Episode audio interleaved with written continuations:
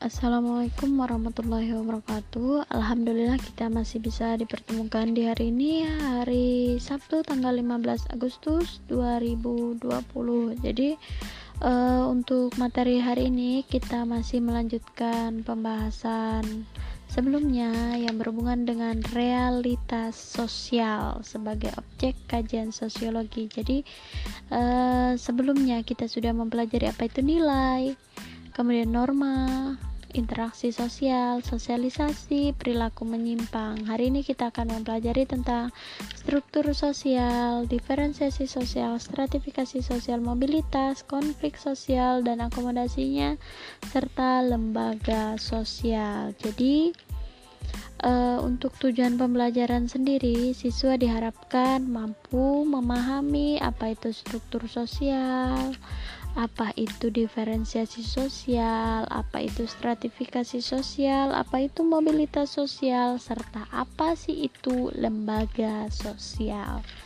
Jadi itu untuk uh, tujuan pembelajarannya. Oke, kita langsung masuk saja ke materi kita yang pertama yaitu struktur sosial. Jadi untuk memudahkan kalian dalam memahami apa yang Ibu sampaikan, bisa sambil mendengarkan apa yang Ibu jelaskan sambil juga dilihat LKS-nya di halaman 17. Oke, untuk struktur sosial sendiri di dalam ilmu sosiologi di sini di LKS-nya dituliskan bahwa struktur sosial digunakan untuk menjelaskan keteraturan sosial yaitu menunjuk pada prinsip perilaku yang berulang-ulang dengan bentuk dan cara yang sama. Struktur sosial memiliki empat elemen dasar yang menjadi satu kesatuan yang utuh. Jadi, di sini dijelaskan untuk struktur sosial dia menjelaskan sesuatu yang berhubungan dengan keteraturan sosial. Keteraturan sosialnya di mana sih kira-kira? Ya, karena kita adalah ilmu sosiologi yang mempelajari tentang masyarakat. Jadi e, struktur sosial atau keteraturan yang kita lihat itu adalah keteraturan-keteraturan yang ada di dalam kehidupan bermasyarakat. Jadi struktur sosial di sini itu uh, memiliki empat elemen. Yang pertama itu adalah kelompok. Kelompok di sini merupakan sejumlah orang yang memiliki norma-norma atau kelompok sendiri itu adalah sekumpulan orang yang terikat oleh nilai dan norma.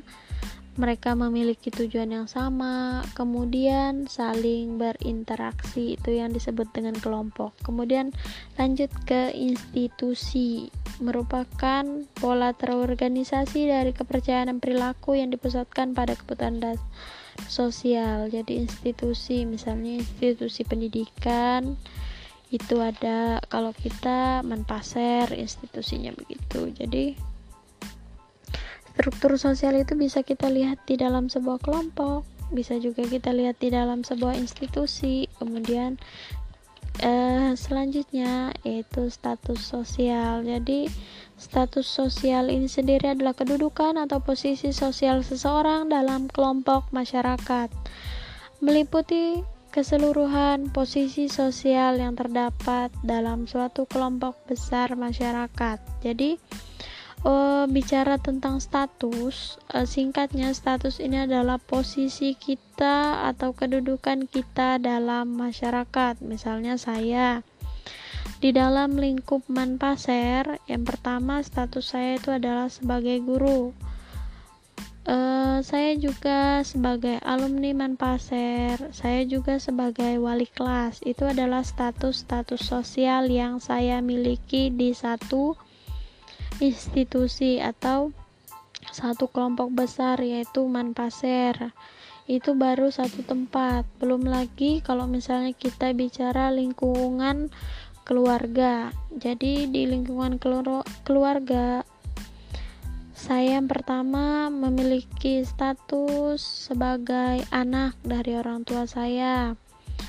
Sebagai menantu dari mertua saya, kemudian sebagai istri dari suami saya, sebagai kakak dari adik saya, sebagai apalagi adik dari kakak saya. Jadi itu yang berhubungan dengan status sosial posisi kita, posisi sesuai dengan tempat di mana kita berada. Jadi, bicara tentang status sendiri, satu individu itu memiliki banyak sekali status, sama seperti yang ibu rincikan tadi di sekolah. Status ibu sudah ada berapa, belum lagi di keluarga, belum lagi di lingkungan-lingkungan lain ibu begitu. Jadi untuk status sosial ini sendiri berdasarkan cara memperolehnya ada tiga di sini bisa dilihat di halaman 18 yang pertama itu askribet status. Untuk askribet status ini adalah eh, status yang diperoleh otomatis melalui kelahiran atau keturunan. Misalnya jenis kelamin kita perempuan misalnya itu kita peroleh dari lahir. Kemudian eh, kasta kita atau eh, apa ya ya kasta itu uh, untuk masyarakat Hindu ya. Jadi askribet status ini itu adalah status yang kita peroleh dari lahir. Misalnya kita sebagai perempuan jenis kelamin kita terus apalagi ya? Uh, pokoknya segala sesuatu yang kita status yang kita miliki itu yang kita kita peroleh secara otomatis melalui kelahiran tadi. Kemudian asifat status, untuk asifat status itu posisi atau kedudukan yang dicapai oleh seseorang melalui usaha disengaja. Contohnya, status ibu sebagai guru, status ibu sebagai apalagi yang benar-benar disengaja ya atau melalui usaha. Status kalian sebagai siswa mana apalagi ya? Status saya sebagai guru mata pelajaran sosiologi itu adalah status-status yang kita miliki atau kita punya karena ada usaha sengaja.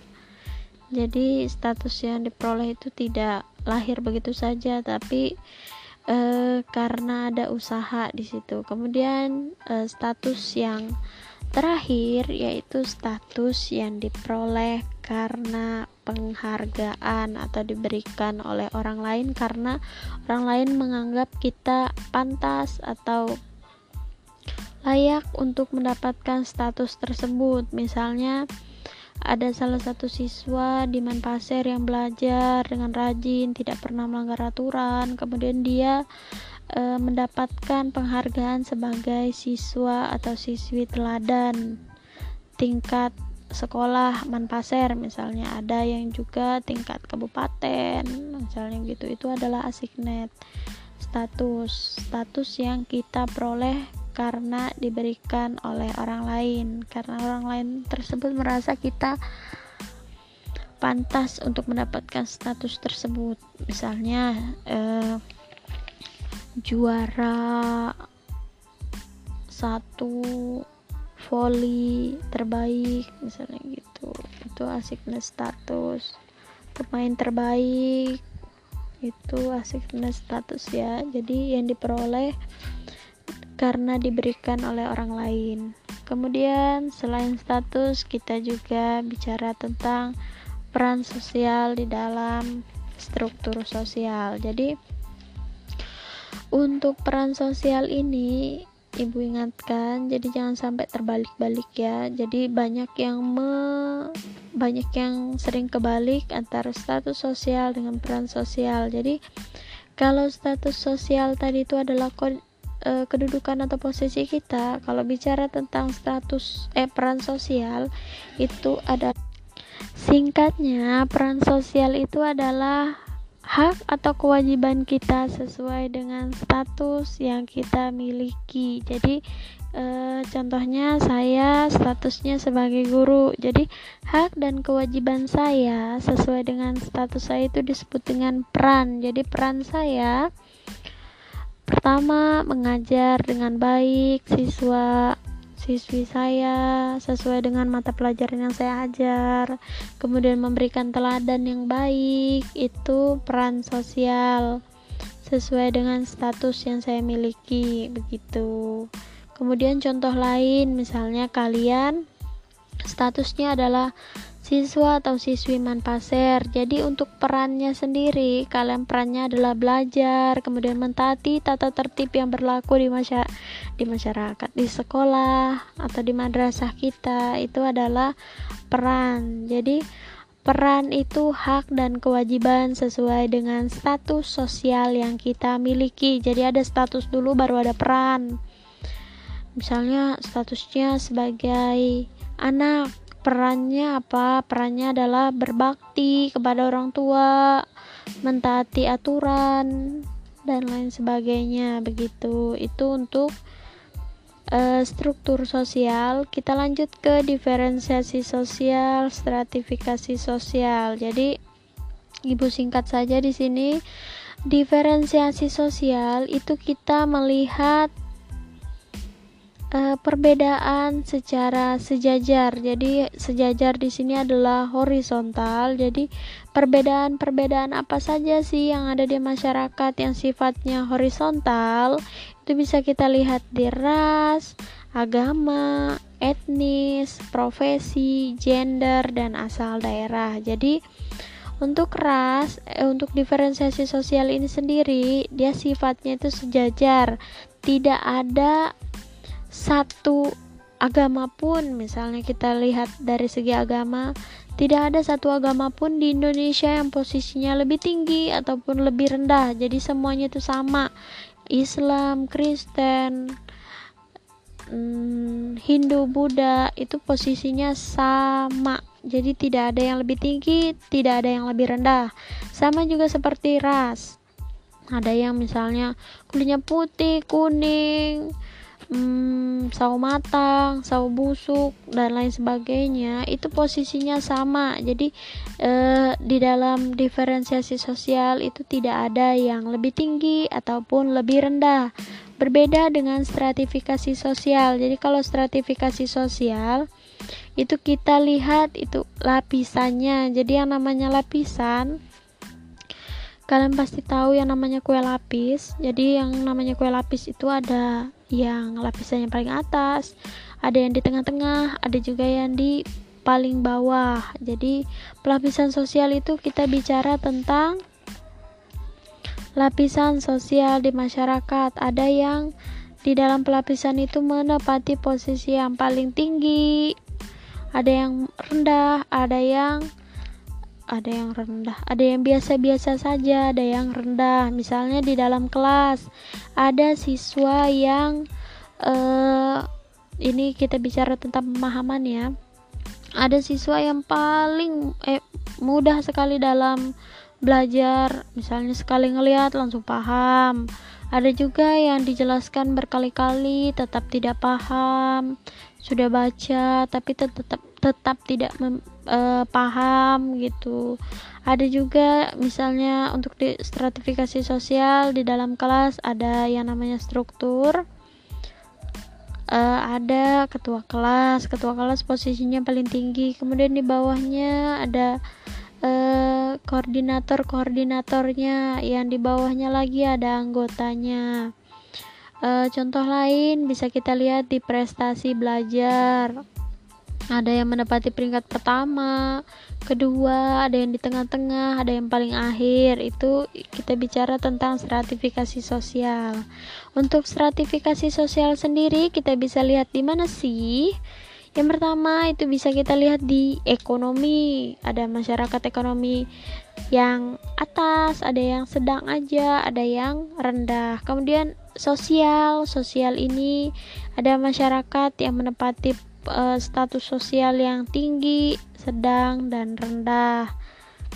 kemudian di bidang pekerjaan ada bosnya misalnya ada karyawan biasa ada yang karyawan uh, di bawah lagi daripada biasa begitu kemudian pendidikan ada yang pendidikannya tinggi ada yang sedang-sedang saja ada yang tidak berpendidikan maksudnya tidak sekolah begitu kemudian di politik ini kelihatan sekali ada presiden misalnya di bawahnya presiden ada apa lagi ada menteri-menterinya setelah itu ada ini untuk di daerah sendiri ada bupati misalnya. Kemudian setelah bupati ada camat setelah camat ada lurah setelah lurah ada bapak RT jadi itu uh, kit, sesuatu yang berhubungan dengan stratifikasi sosial atau pelapisan sosial yang ada di masyarakat jadi dua tadi diferensiasi dan stratifikasi kalau diferensiasi itu kita bicara tentang perbedaan sosial secara sejajar atau horizontal. Kalau stratifikasi itu perbedaan sosial secara uh, vertikal atau berlapis-lapis. Kemudian selanjutnya kita masuk ke mobilitas sosial. Jadi mobilitas sosial ini ini berhubungan dengan perpindahan seseorang atau kelompok dari satu posisi sosial ke posisi sosial lain. Dari ekonomi misalnya bisa juga kita lihat di situ. Jadi mobilitas sosial ini itu memiliki keterkaitan dengan stratifikasi sosial. Kalau diferensiasi uh, tidak ada ya. Jadi kalau diferensiasi itu istilahnya kita melihat perbedaannya saja. Kalau stratifikasi ini erat kaitannya dengan mobilitas sosial. Jadi uh, yang namanya pelapisan sosial di masyarakat tadi sebagaimana yang sudah kita ketahui itu ada yang di atas, ada yang di tengah, ada yang di bawah. Jadi untuk stratifikasi sosial itu memungkinkan seseorang itu uh, jika stratifikasi sosialnya itu bersifat terbuka, memungkinkan seseorang untuk berpindah saat, dari satu posisi ke posisi lain. Dari status sosial satu ke status sosial lain. Uh, mobilitas sendiri itu kita melihat bagaimana sih perpindahan seseorang tersebut. Jadi misalnya yang awalnya ekonominya uh, rendah bisa naik bisa naik ke ekonomi sedang setelah itu bisa naik ke ekonomi yang tinggi gitu jadi untuk mobilitas sendiri yang kita lihat itu adalah perpindahannya proses apa ya, sih ya seseorang alami sehingga bisa berpindah dari status sosial satu ke status sosial lainnya begitu. Misalnya uh, contoh spesifiknya ada seorang uh, apa ya karyawan biasa di suatu perusahaan. Karena dia merasa uh, tidak cocok setelah bekerja bertahun-tahun misalnya dia berusaha untuk mengubah kehidupannya kemudian dia membuat satu produk produknya terkenal otomatis uh, status sosial yang dia miliki juga akan naik di situ. Itu tentang mobilitas sosial. Selanjutnya kita masuk ke konflik sosial. Untuk konflik sosial ini adalah proses pertentangan antara individu satu dengan individu lain. Jadi, yang namanya konflik itu adalah pertentangan sosial. Jadi di sini ini uh, dijelaskan menurut Bapak Surjono Sukanto, konflik adalah suatu proses sosial individu atau kelompok yang berusaha memenuhi tujuan dengan cara menentang pihak lawan yang disertai dengan ancaman atau kekerasan. Jadi uh, intinya yang namanya konflik itu bisa dilakukan oleh individu atau kelompok di mana individu atau kelompok tersebut memiliki tu satu tujuan dan e, cara mewujudkan tujuannya itu adalah dengan melakukan penentangan atau apa ya melawan satu pihak lain begitu bisa pakai ancaman bisa juga dengan kekerasan. Misalnya seseorang dalam suatu kelompok uh, yang awalnya memiliki tujuan yang sama tiba-tiba uh, memiliki tujuan yang berbeda. Jadi untuk memperoleh tujuannya dia melakukan kekerasan. Misalnya ingin mendapatkan uh, keuntungan yang besar uh, dia melakukan ancaman terhadap orang lain misalnya begitu. Itu untuk konflik. Kemudian akomodasinya.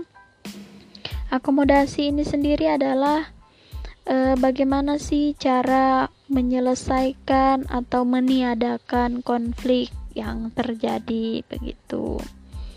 Kemudian kita lanjut ke lembaga sosial. Jadi lembaga sosial itu adalah institusi sosial yang menaungi kelompok-kelompok sosial yang ada di masyarakat. Di sini bisa kita uh, lihat ada lembaga keluarga, lembaga ekonomi, lembaga politik, lembaga pendidikan, lembaga agama, dan lembaga budaya.